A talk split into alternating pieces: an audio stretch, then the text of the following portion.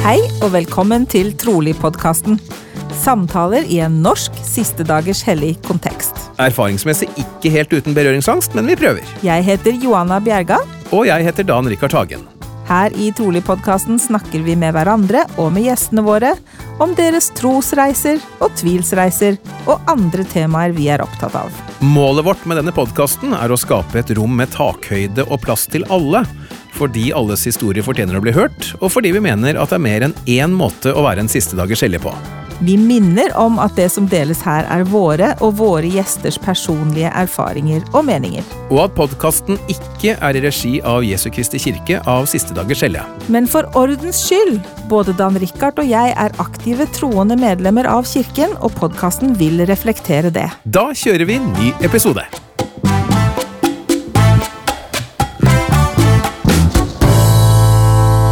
Igjen en kjempestor glede å ønske velkommen til denne gang episode 32 av Trolig-podkasten. I dag skal vi starte podkasten vår med det jeg vil si er en aldri så liten overraskelse, for hør nøye etter nå.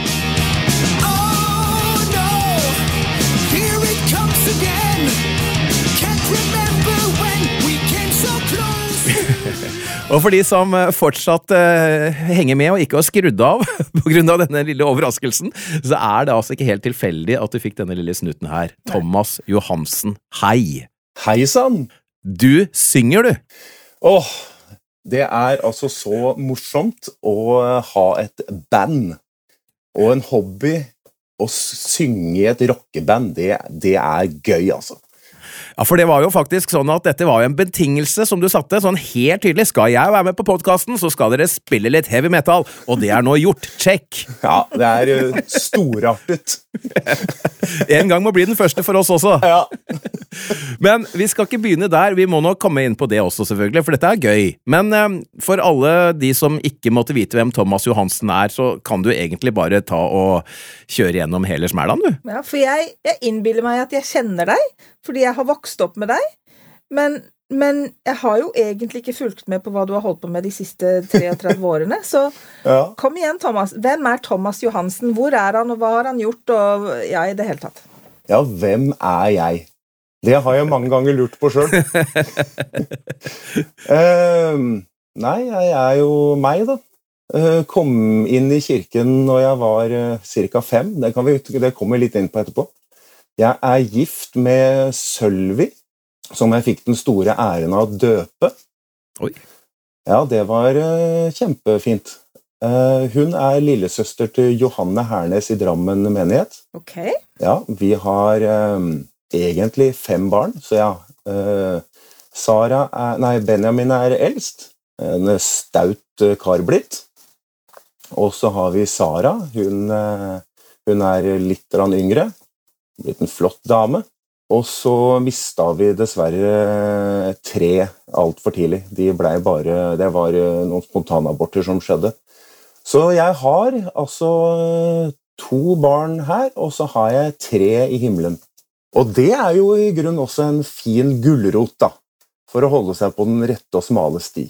Helt enig. Vi har opplevd akkurat det samme, og det for oss, eh, som det tilsynelatende kanskje har vært for dere også, var en spesiell opplevelse. Ja, det er, eh, det er jo forferdelig trist. Mm. Men uh, hva skal man gjøre når man ikke råder over det som skjer? Men som du sier, så er det en gulrot. Veldig gulrot, faktisk. Når man uh, har en tro på noe som uh, ikke stopper ved døden. Ikke sant? Det var jo litt spesielle omstendigheter også rundt disse spontanabortene.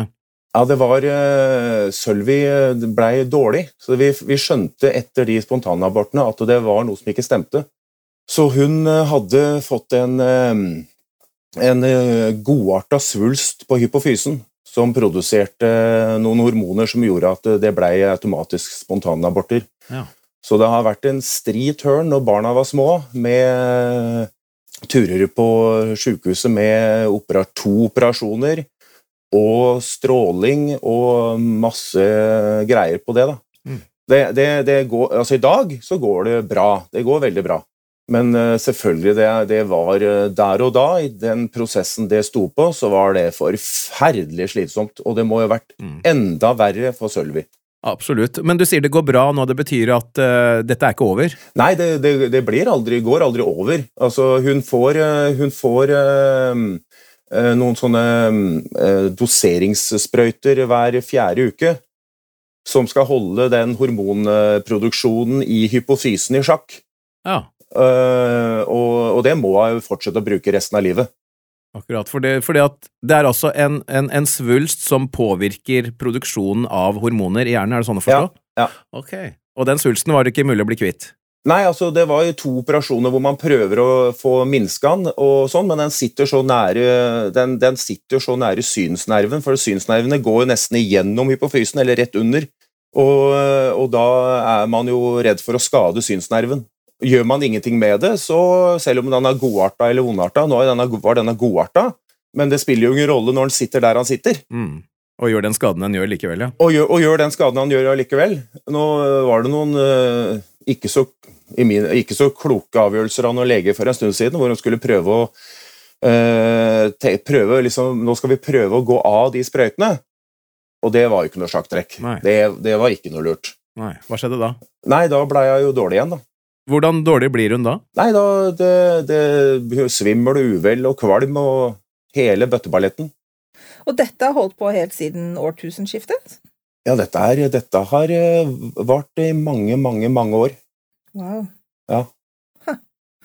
Men eh, nå hopper vi jo litt sånn i tid. Ja. Vi må litt lenger tilbake, syns jeg. Ja, eh, hvor langt tilbake skal vi gå? Skal vi gå tilbake? Ta det fra børjan. børjan. Ok. Ja ja, hvor er du fra opprinnelig, ja? Du, jeg, jeg er en ekte Tårnåsen-gutt. Ja. Eh, jeg er født og oppvokst på Tårnåsen, eh, rett overfor Kolbotn. Det er altså stedet.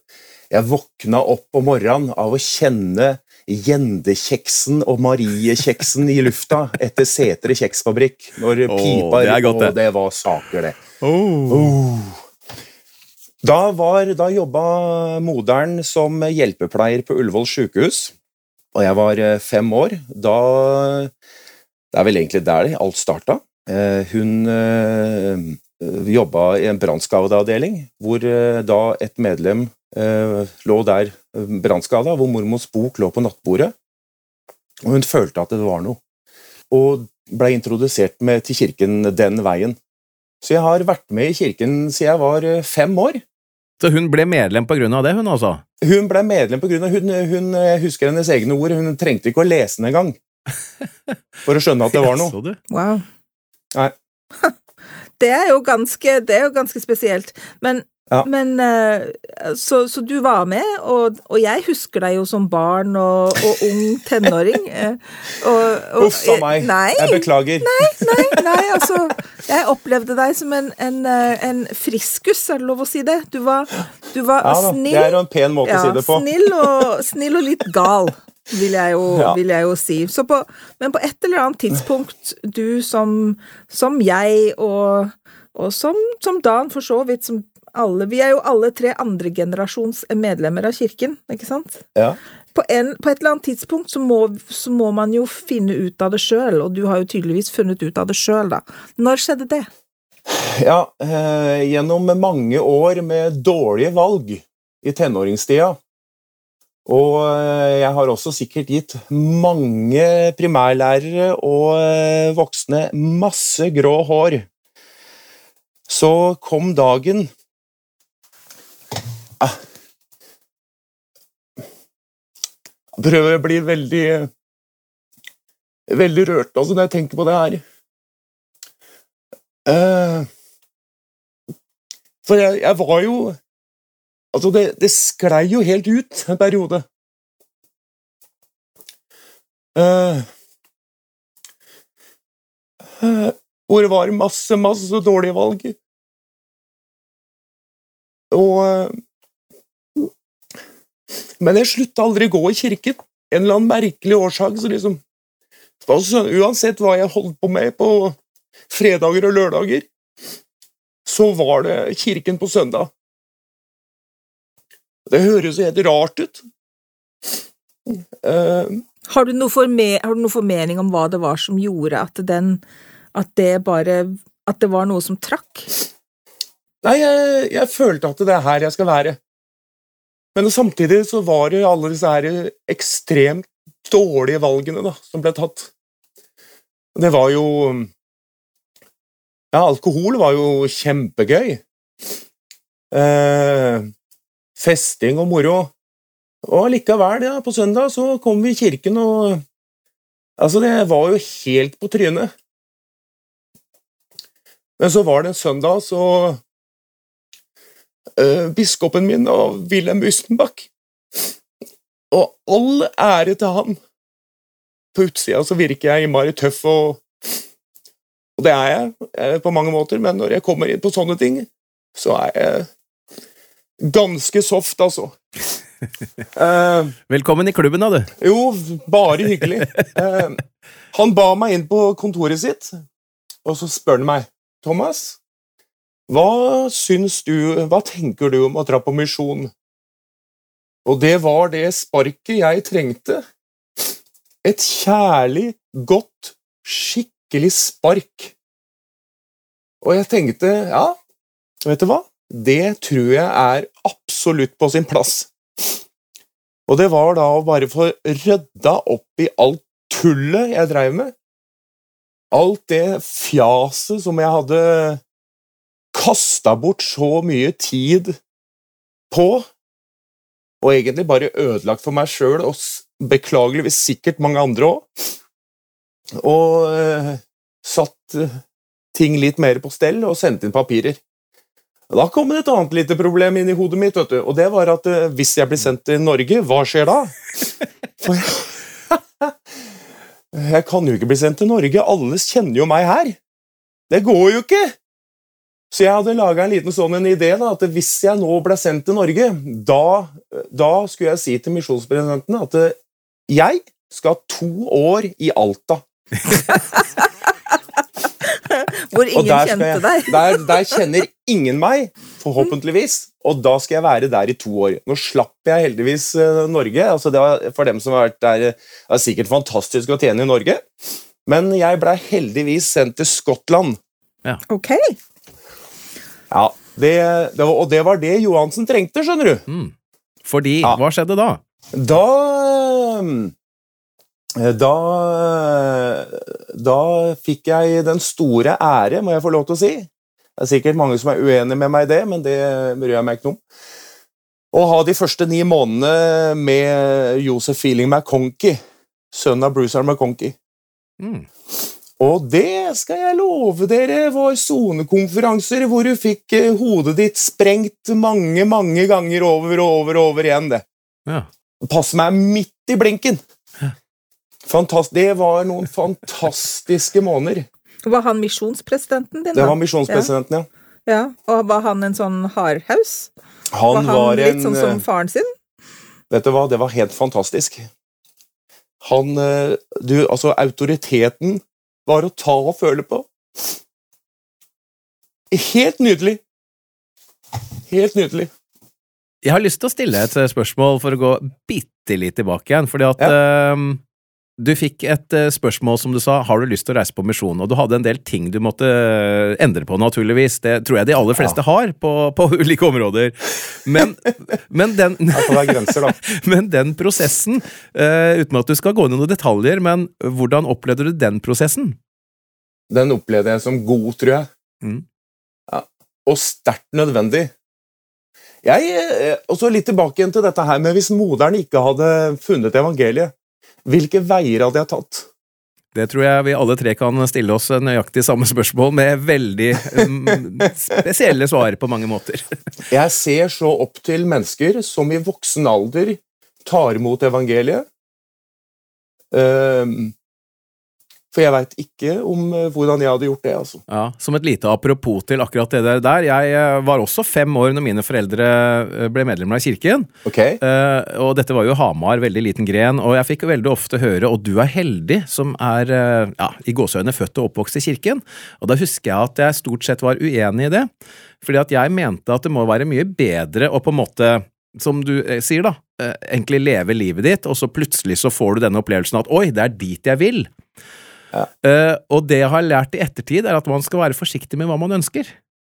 Fordi det ble, Ja, det- ikke sant? For det ble veien min, for jeg også var ute av kirken en periode med alle mulige dårlige valg, jeg også, ikke sant? Som krever noe av deg for å komme tilbake.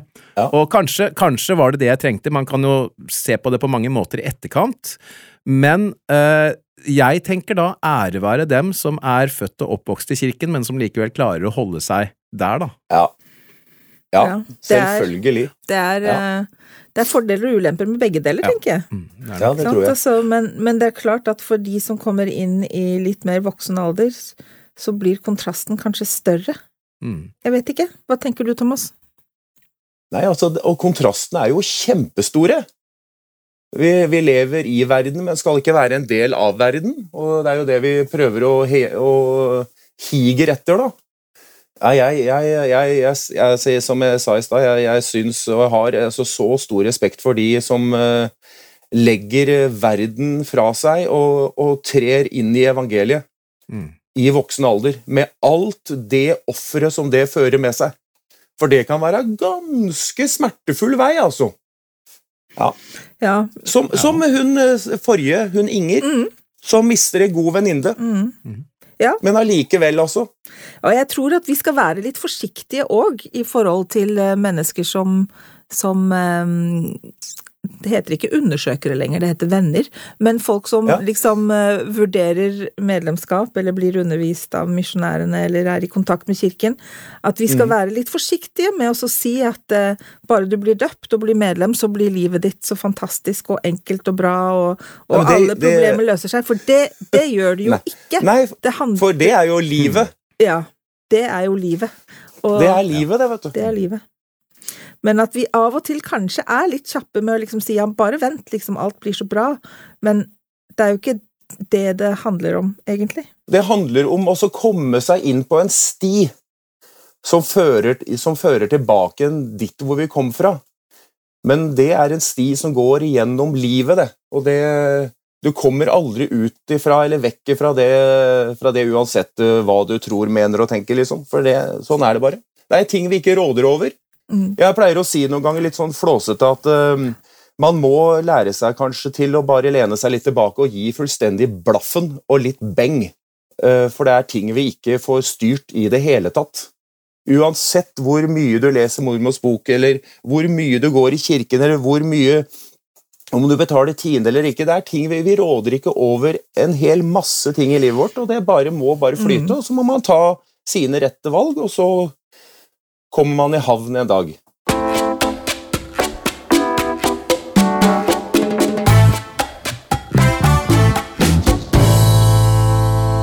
Tilbake til misjonen din. Mer misjon! Ja, tilbake til misjon. vi, sitter, eh, vi sitter på misjonskontoret, som er en fantastisk, kjempeflott, gammelt murhus eh, rett ved sida av eh, kirkebygget i Edinburgh. Og så skal vi liksom skrive, vi liksom skrive litt om oss selv, og, og da kom det opp eh, Ja, og så skulle vi levere passene våre, så det var litt skummelt. vet du. Å, nå har jeg levert passet mitt, og sånt, og nå, nå kan jeg ikke stikke av. Nå er jeg her, og det var egentlig veldig deilig. Det var veldig godt å få de to åra vekk fra alt, liksom. Jeg trengte det sårt. Um, og så skal vi skrive litt om hvordan, hva har du gjort eh, for oss for å tjene penger til misjon. og da må jeg skrive ned at jeg jobba som dørvakt da i Oslo. Pizzaen. Og ansiktsuttrykket til søster McConkie og, og, og president var var helt fantastisk. Hva er det? Har du jobba som dørvakt? Ja, ja. Hva er det vi har fått inn på misjonen vår nå? Hva er det som har kommet? Ja, og så hadde vi, hadde jeg, vi, vi sleit veldig med å få tak i dress til meg. Åh, det var fantastisk. Jeg øh, går på Dressmann og kjøper dress til meg. Det er bare å gi opp. Det, det, det passer jo. Det er ingenting som passer. Fordi Så vi fant Nei, det, det passer ikke i låra, og det passer ikke over skuldra over ryggen. Det er liksom dresser som er sydd for en blyant. Og det, jeg ser jo ikke ut som en blyant, akkurat. Uh, og, og så eh, hadde jeg fått tak i to dresser. De var kjempefine, men de var jo grønne. ikke sånn Kermit-grønn. Veldig pene dresser. Og de kom jeg med. Uh, og alle så jo på vei og å, se han der i raringen der kom fra Norge med grønne dresser og sånn. Uh, eh, men mosjonspresidenten sa liksom ingenting om det. Men det kom, kom til et punkt hvor, hvor den dressen eh, ikke passa lenger, da, for det var så mange middagsavtaler og sånn. Eh, og da, og da, da, da solgte jeg den ene den dressen til en, en, en av de andre misjonærene som jeg delte leilighet med. Vi var dessverre aldri kompanjonger, men eh, jeg har den på Facebook. er en helt herlig fyr. Han fikk ikke lov av McConkey å gå i den grønne dressen. Ja, men, ja, men eh, Elst Johansen, han går jo den grønne dressen. Ja, ja, ja, men, men han er helt på sitt eget program. fikk Fikk han til svar, så han fikk ikke lov å bruke den. Og det var så utrolig bra. Og jeg fløy rundt i den andre grønne dressen og så hadde jeg kjøpt en annen sånn en rutete. Det var fantastisk. Jeg skilte meg ut, kan du si. Det høres sånn ut, ja. Ja, det er helt nydelig. Men eh, du, jeg har hørt fra Jeg kjenner noen andre som har vært på misjon i Skottland. Eh, er ikke det beryktet for å være et relativt tøft sted å være på misjon? Det er sikkert områder der òg, men Ja, ja, fortell litt om det. Ja.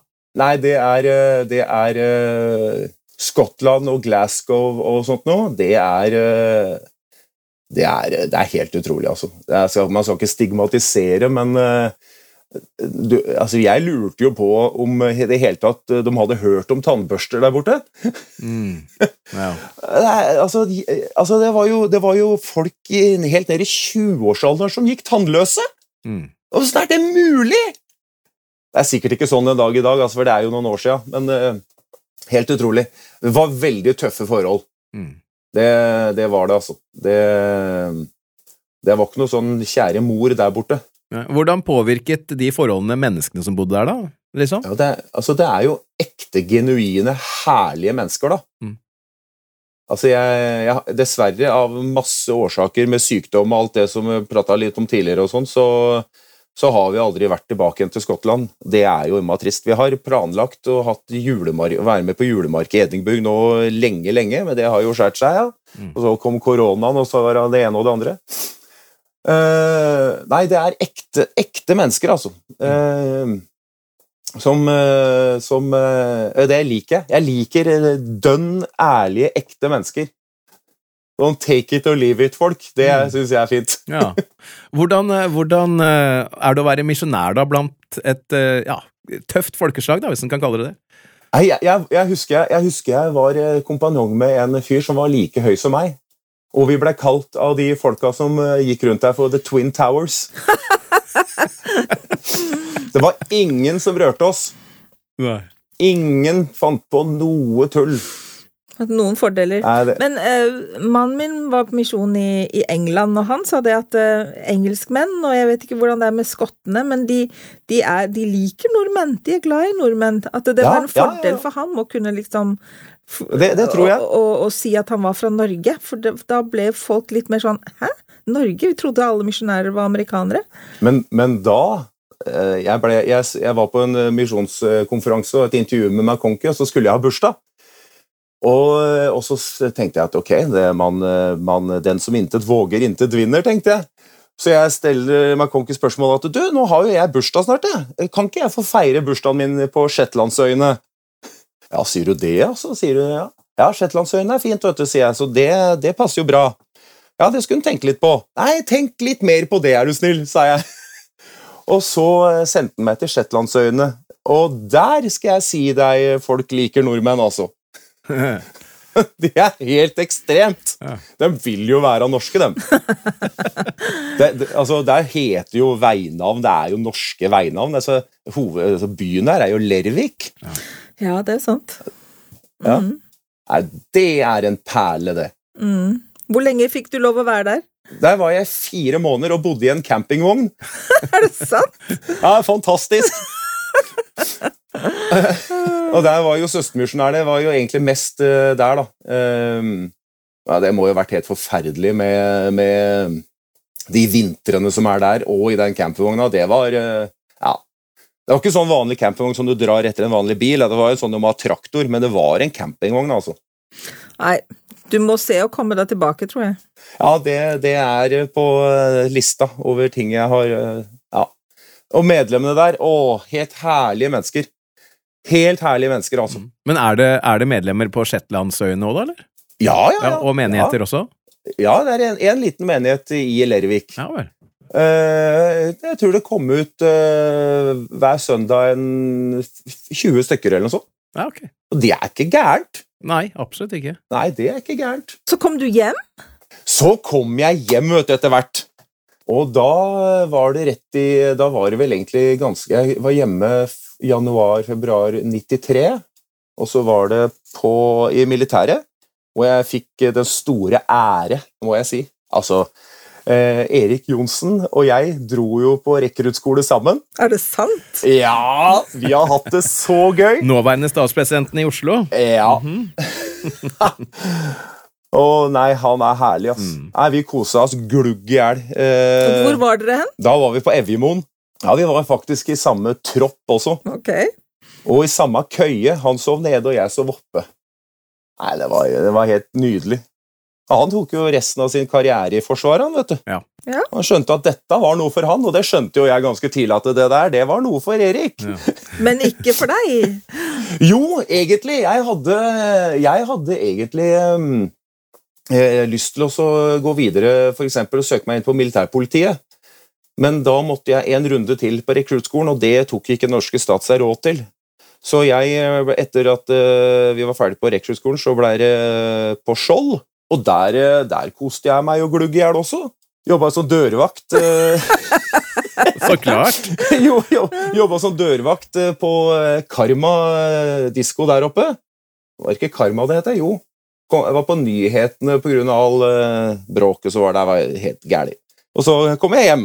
Og så skal jeg, skal, da, da, da, da, da traff jeg jo Sølvi etter hvert, vet du. Ja, men, Ja, ja, dette må vi høre. Skal, skal vi høre, skal vi Ja, høre om det? Det vil Det vi skal høre. vi høre om. Å hjelpes meg. Jeg, er jo, jeg må jo ha ting inn med teskje. Enkelte ganger. Uh, min eh, Nå skal jeg prøve å holde meg eh, så jeg ikke begynner å surve igjen her, for det her eh, Det klarer jeg ikke, vet du. Nei, det er for seint, det, Nei, det er for seint! Eh, min patriarkalske velsignelse, uten å gå veldig dypt inn i den, eh, så står det i klartekst, altså Eh, Det er veldig, veldig rart. At jeg skal forstå med en gang når jeg møter den rette. Og det gjorde jeg, gitt. For når jeg har data også ganske mange da, før jeg dro på misjon, og, og sånn og sånn og greier. Og så kom vi på en, eh, en eh, dans i kirken. Det var noe sånn derre 70-års Eller nei, sånn, eh, sånn bad taste-party, sånn 70-talls, 80-tallsgreier, vet du. Og det, og, ja, altså Føre det så hadde jo Sølvi eh, bodde jo da i Nord-Norge, og hun hadde da også eh, hatt et ekteskap foran seg, men hun følte veldig sterkt at eh, hun måtte sørover. Hun kunne ikke vente med det, hun måtte dra nå. Eh, Hun bodde jo her nede, hun, bodde, hun var jo i Moss menighet en periode. Eh, og hun følte veldig sterkt at hun måtte komme seg nedover. Og så ble jeg invitert eh, av Johanne og Åse Danielsen til å være med i den der dansen. Og det var hun Det måtte hun være med på, følte hun sjøl. Og da sitter jeg i garderoben der på den der gamle, slitne sofaen eh, rundt hjørnet der, ikke sant, og eh, eh, suller med mitt.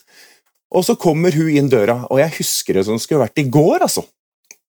Hun hadde på seg en, en grå sånn strikkedrakt, overdel og, og skjørt. Og så tenkte jeg Oi! Jeg husker det slo, slo meg, liksom. Oi! Nei. Og så tenkte jeg nei, nei hun, er, hun er nok for gammel for meg, tenkte jeg. For hun ser så veldig voksen ut. Og det gjorde ikke jeg ennå da. I hvert fall, ja, nei. Og så tenkte jeg nei, her var det noe. Jeg skjønte at her, her er det noe, Johansen. Og så ja, Vi prata om dette her bare for noen dager siden. For da vi, vi hadde 11. november, så var hadde vi jo vært sammen i, siden 94, liksom. Og Det var jo den dagen vi møtte hverandre. At eh, vi måtte jo, vi måtte jo, Hun måtte jo le, for hun følte jo at jeg fridde til henne samme dagen, liksom. Jeg gjorde jo ikke det, men jeg kjente at det, her, her må du legge inn aksjene, Johansen. På en måte som jeg aldri noen gang før har følt at jeg skal gjøre. På en sånn rar, rar måte. Altså, det, klartekst, det står altså helt bokstavelig i min patriarkalske velsignelse. Du skal skjønne. Ja, det gjorde jeg. Helt utrolig, altså. Den fikk jeg når jeg var 16. Svar på tiltale? Så, og noe veldig. Ja, men bortsett fra grå drakt, det må jo ha vært noe mer med Sølvi. Ja, det var vel neppe drakta. Ja, hun var, hun var og er en fantastisk kvinne. Altså, hun, eh, hun er eh, det, det beste som kunne skjedd meg, altså. Rett og slett. Vi er et ordentlig, skikkelig bra team. Vanvittig bra match, altså. Så fint! Ja, det er, det er veldig, veldig fint. Og så fikk jeg da, Hun hadde jo undersøkt kirken eh, av og på en lang, lang periode. Og eh, hadde jo sine ting hun selvfølgelig skulle jobbe med, og som hun lurte på, stussa på og sånn. Og så uh, fikk jeg muligheten til å døpe henne. Jeg, det var vel på date uh, to eller tre, hvor jeg sa at uh, den dagen jeg skal gifte meg, så skal jeg gifte meg i tempelet. Og da hadde jo jeg egentlig lagt føringa Jeg følte at jeg måtte si det litt fort, så hun visste hvor egentlig eh, skuta Johansen seila, Ja. hvis jeg skulle være med. Hvordan ble det tatt imot, da, sånn umiddelbart? Veldig bra. Ja, jeg tror eh, hun var eh, Jeg tror hun var veldig klar, ja. Ja. For, for forandringer i livet sitt. Som liksom gikk i en annen retning enn det det hadde gjort før. Så, dere, så du døpte henne, og så giftet dere dere? Ja, da, og så da et år etterpå så var det tempelet. Det var jo egentlig en ganske lang periode datingmessig. Eh, fordi det, det, var jo, det var jo masse Jeg måtte jo eh, Hva heter det for noe? Eh, altså, det er jo ikke lett å komme inn som en stefar i et, eh, i et tidligere, fra et tidligere, tidligere forhold, ikke sant? For hun hadde en sønn fra før? Hun har, har, hadde en, har en sønn fra før av. Mhm. Og det, det er jo ikke en lett oppgave, så det var jo mange runder jeg måtte gå med meg sjøl, altså. Men så bare fløyt det tilbake igjen. Altså, det her er den kvinnen du skal ha. Vær så god, her er hun. Og da må man jobbe med Og det, det, akkurat det har ikke vært lett, altså. Det skal jeg være helt ærlig på. Mm. Og så gifta vi oss i tempelet. Det var en uh, fantastisk dag, og en forferdelig slitsom dag.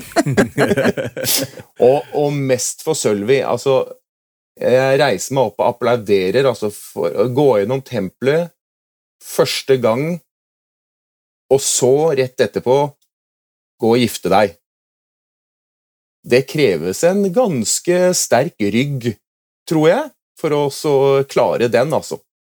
Tempel, jeg elsker jo tempelet, det er altfor lenge siden jeg har vært der, men eh, de omveltningene og de tingene, det, det er mye å takle. Det gjorde hun med eh, Fantastisk, altså. Ja, hun høres spennende ut. Jeg lurer på, jeg tror vi må ha henne Det- på podkasten. Ja, lykke til. Det, det hadde vært bra, det. Ja. Ja. Vi setter henne på listen, og så får vi bearbeide henne. Gjør det. Nei, jeg tror jo i aller høyeste grad at det ekteskapet som er bundet for tid og all evighet, er eh, det som eh, i stor grad har vært med å holde og få oss til å ha hodet over vannet i alle de utfordringer vi har hatt i, eh, med helse og alt mulig. Fall på toppen av det hele. Jeg vet ikke om jeg nevnte det i stad. Eh, hvor Sara, dattera vår, har jo ble født med noe som heter systemisk leddgikt. Oi. Så vi var jo ute og inn av sykehuset fra hun var to år. Og vi har jo nesten bodd på, eh, på sykehuset gjennom oppveksten hennes. Og det, det tærer, ikke sant? Ja. Det er Ja, men, krevende. det, men det har aldri vært et tema å tenker tenke tanken at er, dette er lettere hvis vi er hver for oss. Eller eh, det, det, har liksom, det har aldri kommet opp engang. Jeg er veldig nysgjerrig på Jeg føler at man snakker mer om når ting går galt, og hva som går galt, men, eh, og hva som kan gjøre at ting går galt. Og jeg vet jo det at f.eks. for eksempel sykdom hos barn kan være en veldig stor utfordring for, eh, for ektepar. Hva tenker du, altså nå har du jo nevnt én ting, liksom det at dere var gift i tempelet, og har inngått pakter, og liksom har det der evighetsperspektivet, at det har vært viktig. Men har du noen andre gode tips til sånne andre, sånne, oss andre dødelige? Liksom, hva, er det, hva er det som er eh, Hva er det som er eh, Hva tror du er viktig i et eh, godt og solid eh, ekteskap? Jeg eh, har tenkt litt på det, skjønner du. Og det var kjempe Når du spør meg om det nå, så kommer jeg på noe. Et ekteskap er ikke et fangenskap. Eh, Jeg har vært så heldig å gifte meg med min aller beste venn. Og min venn har 100% tillit til meg, og jeg har 100% tillit til henne. At om jeg finner på ting, har mine ting jeg driver med For eksempel tilbake i 2008, da, så, så blei jeg med en eh, kamerat av meg og kjørte Route 66 fra Chicago til Los Angeles. Og kjørte følgebil og greier. Da kunne Sølvi få være med. Uh, hun kunne få være med. Nei, det ville hun ikke, for det her var guttetur. Det her var eh, sånn som vi gutta skulle dra med på. og sånt noe. Det er ikke alle som eh, hadde sagt det, Nei. og som stoler altså 100% på mannen sin. At eh, i 17-18-19 dager så skal han være sammen med en hel gjeng gærninger og kjøre da fra Chicago til Los Angeles. Uh, det, ja, det, det var altså helt problemfritt for henne. Det er helt problemfritt for henne at uh, jeg har det bandet jeg har, og bruker den, den altså Det er ikke mye tid, men det, det er altså den hobbyen jeg har, at jeg får lov til å gjøre det jeg syns er skikkelig moro. Og da går det også begge veier. Og når man da skjønner at et ekteskap ikke er et fangenskap, og man har gifta seg med sin aller beste venn, og man kan snakke om alt Ingenting er et tabu. Da, da syns jeg at man har kommet eh, ganske langt på veien. Høres bra ut. Men nå føler jeg jo Jeg får litt inntrykk, Thomas, av at du er sånn eh, Du er ikke sånn halvtomt glassmennesk, du er mer sånn halvfullt glassmennesk. Liksom at Ja. det meste er fantastisk og nydelig og kjempefint og superbra. At du er litt sånn eh, type, da. At du er sånn litt sånn optimistisk og eh, gladgutt. Jeg er vel ganske sånn eh, ja, Hva skal jeg si for noe? Jeg, det er litt vanskelig å så Jeg er jo en, eh, en gladgutt. Det er jeg.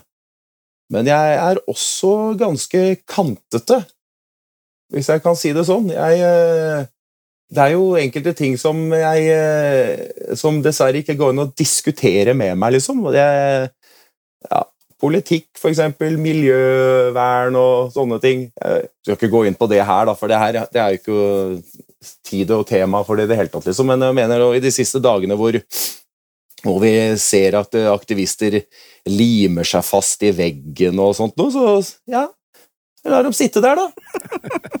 La dem sitte der til de begynner å bli sultne. De har jo limt seg fast sjøl. De De vil jo sitte fast der, da. La dem kjenne litt på sulten og at 'oi, der må jeg tisse, gitt'. Nei, men jeg sitter jo fast her, jeg. Ja, får tisse på meg, da. Ja, det syns jeg. Og så syns jeg at når du kaster maling på fine, ærverdige statuer i Oslo, og tror at det, det skal løse et problem, ja, da syns jeg det er rart at du ikke er med på å vaske det vekk og skrubbe det vekk sjøl med din egen tannbørste. Men det er jo ingen eh, det, er, altså, det er jo ikke noe eh, konsekvenser for noen verdens ting i dette landet lenger. Alt bare flyter rundt. Det er ille. Det er forferdelig ille. Og den båten, den skal ikke jeg på. Jeg elsker at folk kan lære av konsekvenser. Jeg har lært av konsekvenser hele livet mitt, og det syns jeg skal, man kan fortsette med. Det var så politisk jeg gadd å være I dag. Ja. Det, akkurat i dag. det er helt i orden. Men det, det er interessant at du selv beskriver deg som kantete, da. Er, er Sølvi rund? Er Sølvi rund i kantene? Må hun er, eh, være det, eller er hun kantete, hun òg? Nei, hun er eh, Jeg sa jo senest i går, jeg, når vi kommenterte på et eller annet på nyhetene, at eh, jeg liker deg bare mer og mer og mer, jeg, sa jeg. Husker ikke hva det var for noe det gjaldt da. men Det var et eller annet eh, helt sprø ting som var på, på nyhetene. Åpenbart noe dere var enige om, i hvert fall. Ja, det var noe vi var enige om. Ja, Men du er blitt bestefar òg? ja vet du! Ah, ja, det er, han er søt, altså. Det er, eh, han er herlig. Han kommer bort etterpå i dag. Hvem sin er det? Det er, det er Sara sin. Oh, ja. Ja, ja, ja. Hun, hun har jo tatt sine veier, da. Det må man jo, det må man jo bare tillate. Som jeg sier, vi har, den, den største velsignelsen vi har fått av vår himmelske Fader, kan også være vår største forbannelse. Den heter handlefriheten. Men uh, ut av den handlefriheten der, så har jeg fått en lite barnebarn. Han er jo altså så herlig. Han er så, vet du hva, Jeg, har, jeg jobba jo som lastebilsjåfør når unga mine var små, og har jo ikke hatt råd eller tid eller muligheten til å kunne gjøre det jeg har ønska med dem. Men når han lille tassen her vokser til Du store all verden og mye moro jeg skal gjøre med han, altså. Og en av de tinga, Men jeg skal vente til han blir så stor at han husker at han har vært med bestefar og klappa ulv, eksempel. Ja, vi skal klappe ulv, ja! Ja, det skal vi. Han kan bare glede seg, altså. Oh. Planene er klare. ja, det er masse jeg skal gjøre med han. Men du er ikke lastebilsjåfør nå, du? Nei, nå heldigvis er det livet en eh, en, eh, en eh, avsluttet epoke. Sølvi kalte seg sjøl for gift enke. Jeg var, Uff a meg, det var fæl tid, men vi måtte jo bare gjøre det sånn, for vi måtte jo ha mat på bordet. Mm. Nei, jeg, eh, Det er også en annen ting eh, som jeg kan nevne i farta med min patriarkalske velsignelse. Det står også ordrett at du skal aldri mangle noe. Og det gjør jeg ikke. Jeg mangler ingen verdens ting. Mm. Eh, ting detter bare på plass. Helt rart, altså. Eh, jeg begynte i 2011 i Skåven kranservice. Da kjørte jeg lastebil, for eh, han som ordna meg jobb der, det er pappaen til ei jente som gikk i klassen til Sara. Og da prata jeg litt med hun sjefen min, altså kona til Asle Skåveng. Eh, nå har jo dem solgt, da. Eh, og så sier jeg til jeg eh, hva må jeg gjøre for å begynne å kjøre sånn kran? Ja, har du lyst til å begynne å kjøre kran? Ja, det har jeg gjerne lyst til å gjøre. For jeg er litt sånn at jeg ser et ratt på en lastebil, så kjenner jeg at jeg begynner å gulpe. Jeg har fått så nok, Og jeg er så ferdig med det her at jeg blir fysisk kvalm. Så hun sender meg på kurs, da. Og så sier jeg når jeg kurs er ferdig, og sånn, at eh, skal jeg signere på noen bindingskontrakt. jeg? Må jo signere et sted, så ikke du tror at jeg bare stikker av. Etter at, For det er ikke gratis, det her. Nei, det trengte jeg ikke. Nei, men det, det må jeg jo gjøre. Nei, men hun stolte på meg. Ja, det kan du gjøre, sa jeg, men jeg syns det er for gærent at du i hvert fall ikke har signaturen min et sted. Og det blei jo aldri noe av. Og så kjøper du inn en liten, eh, en liten eh, toaksler 30-tonns mobilkran til meg, som jeg da syns var helt uh, fantastisk. Når jeg ser på den krana nå, så blir jeg jo bare Å, fy a meg, satt jeg i den og trodde at jeg var skikkelig til kar? og ting der også på jobben har jo bare falt på plass, hvor jeg liksom får bedre og bedre arbeidsutstyr. Eh, gjennom en, liksom en periode da, hvor jeg gikk fra en lille 30-tonneren opp til en treaksla 55-tonner. Og det var jo et kjempefint hopp. Det var jo da det begynte å bli kran. Og så opp til en fireaksla 70-tonner, som jeg hadde i seks-sju år. Og sånn eh, i mai som kommer nå, så har jeg hatt en, eh, en femaksla 130 tonners Liber. Og det er altså en fantastisk maskin, altså. Er det sånn at du gir disse maskinene navn? Ja! Ja, få høre. ja hun heter Diseline. Diseline, ja. Ja. Og, og foran i grillen, eh, foran under han eh, ved frontruta på, på min side, da, for det var en sånn internfleip av en av gutta som kalte meg for Stuttbomgutten. Stutt, fordi den, den 70-tonneren jeg hadde før, den hadde litt kort bom. Ja. Og han var- syntes han var litt stutt. Så jeg var Stuttbomgutten. Den har jeg brukt for alt jeg har vært, så jeg fikk jo printa ut på det reklamebyrået vi har brukt. Så står det i fin sånn løkkeskrift under han ved sjåførsida mi, så står det 'Stuttbomgutten'.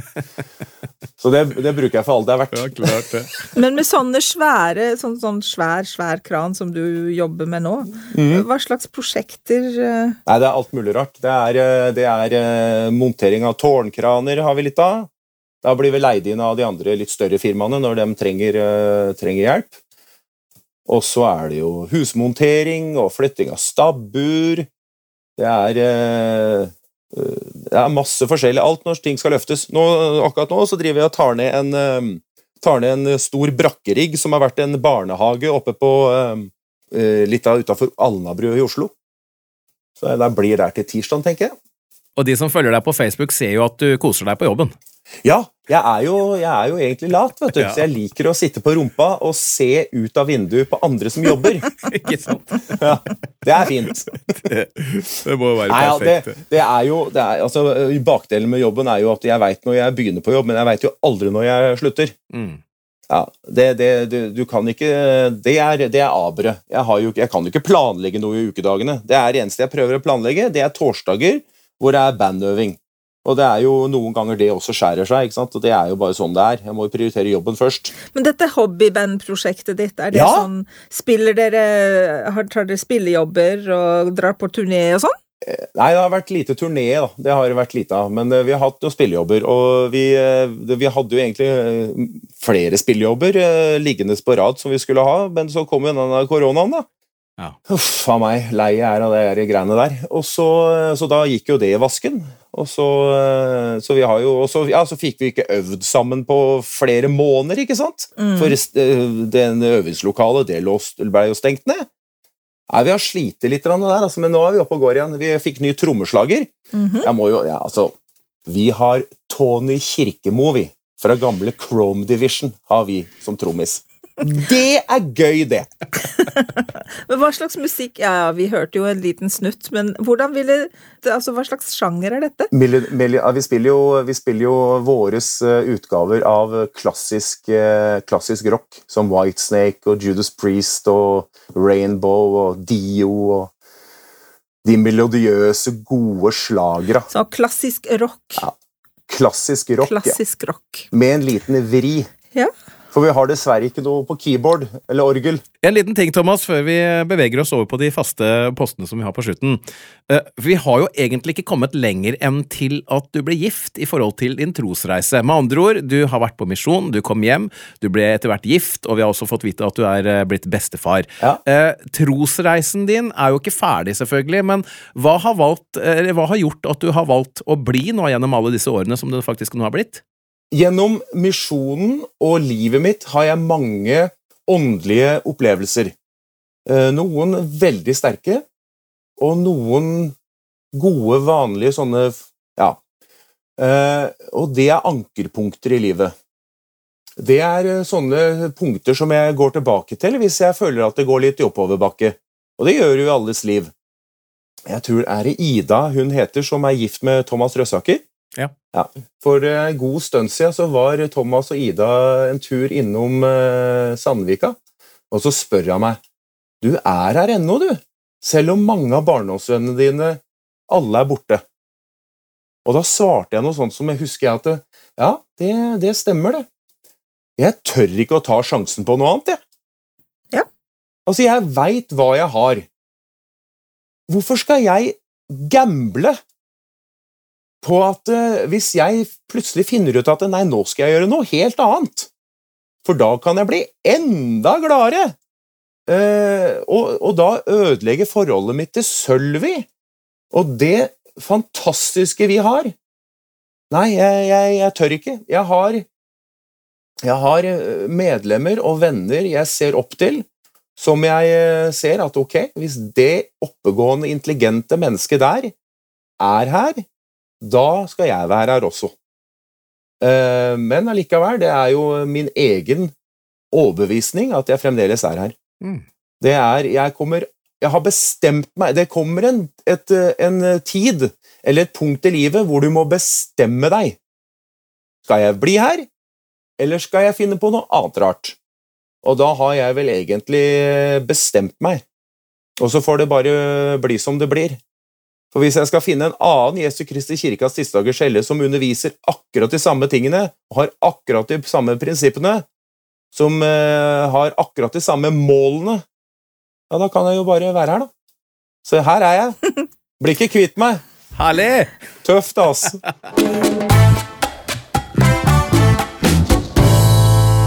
Du hører på Trolig-podkasten med Johanna og Dan, og i dag snakker vi med Thomas Johansen.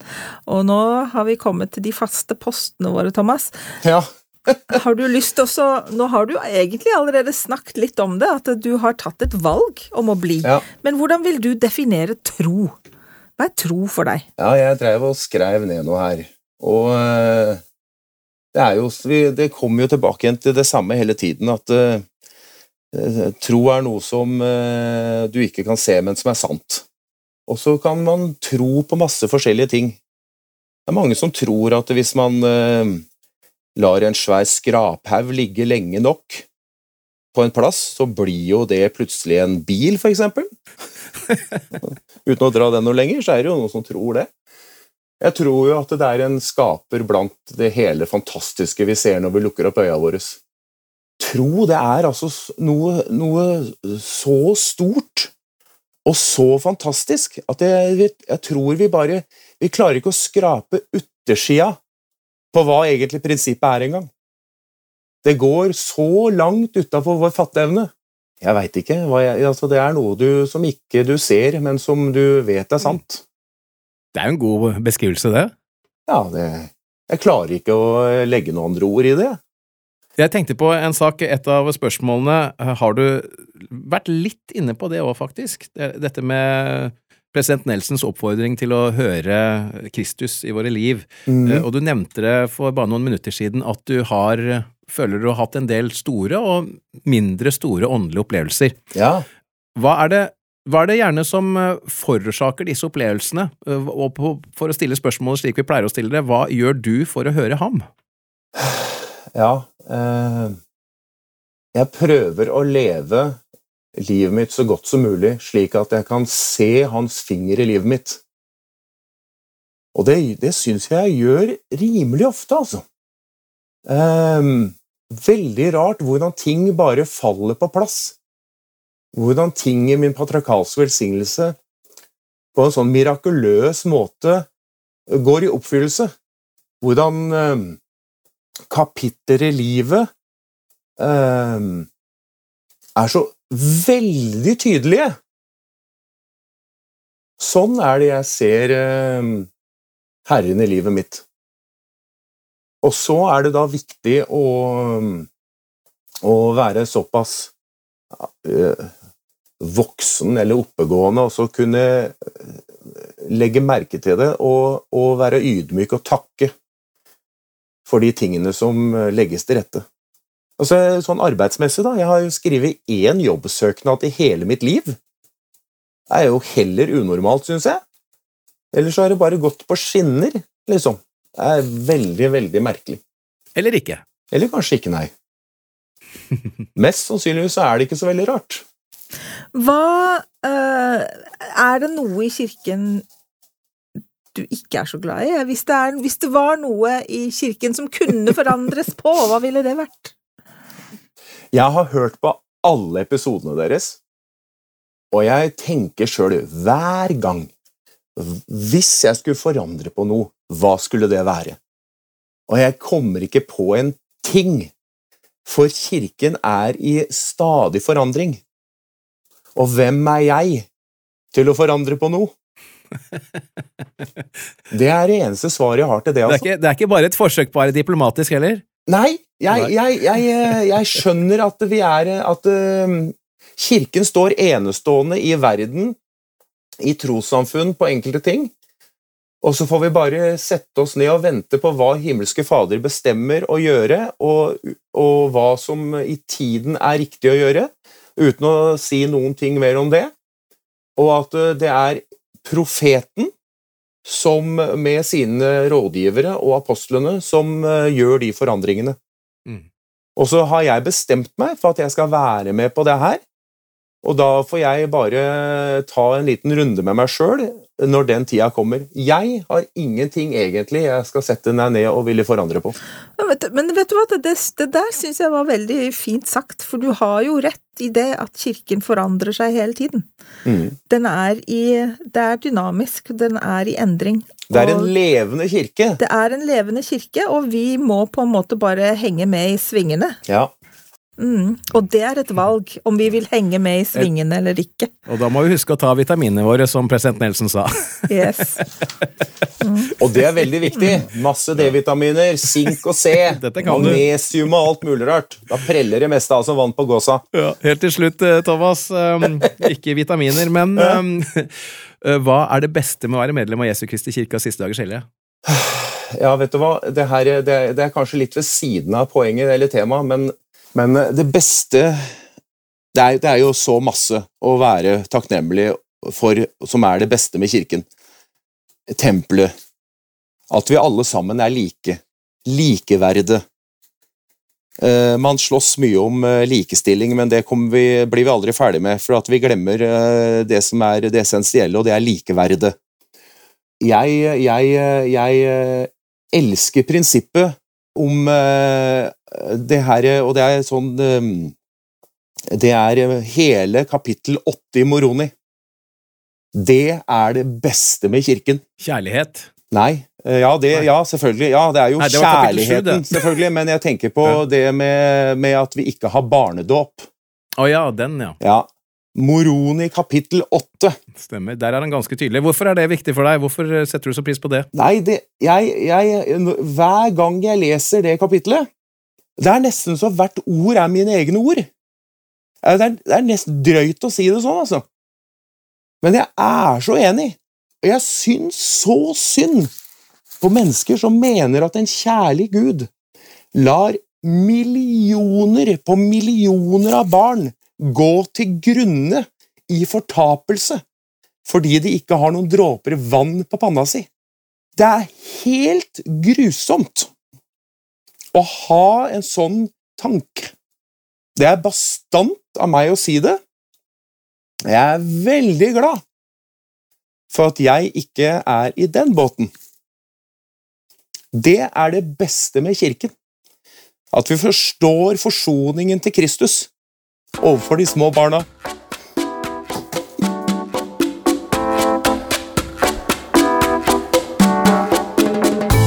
Tusen takk for at du hørte på dagens episode. Vi er snart tilbake med en ny og spennende samtale. Og for å gjøre ventetiden litt kortere, så kommer som vanlig vårt nyhetsbrev mer enn trolig i innboksen din om kort tid. Ja, Det er hvis du abonnerer på det, da, og det gjør du enkelt inne på vår Facebook-side. Ja, og i tillegg så finner du oss både på Instagram og Twitter, som oppdateres med jevne og ujevne mellomrom. Har du forslag til enten temaer eller gjester du syns vi burde snakke med? Send oss en e-post til troligpodkast med k at gmail.com. Og vi blir veldig glad for skriftlige tilbakemeldinger i alle våre kanaler. Og ikke glem at dette vil også hjelpe andre å finne trolig. Takk for nå. Vi høres!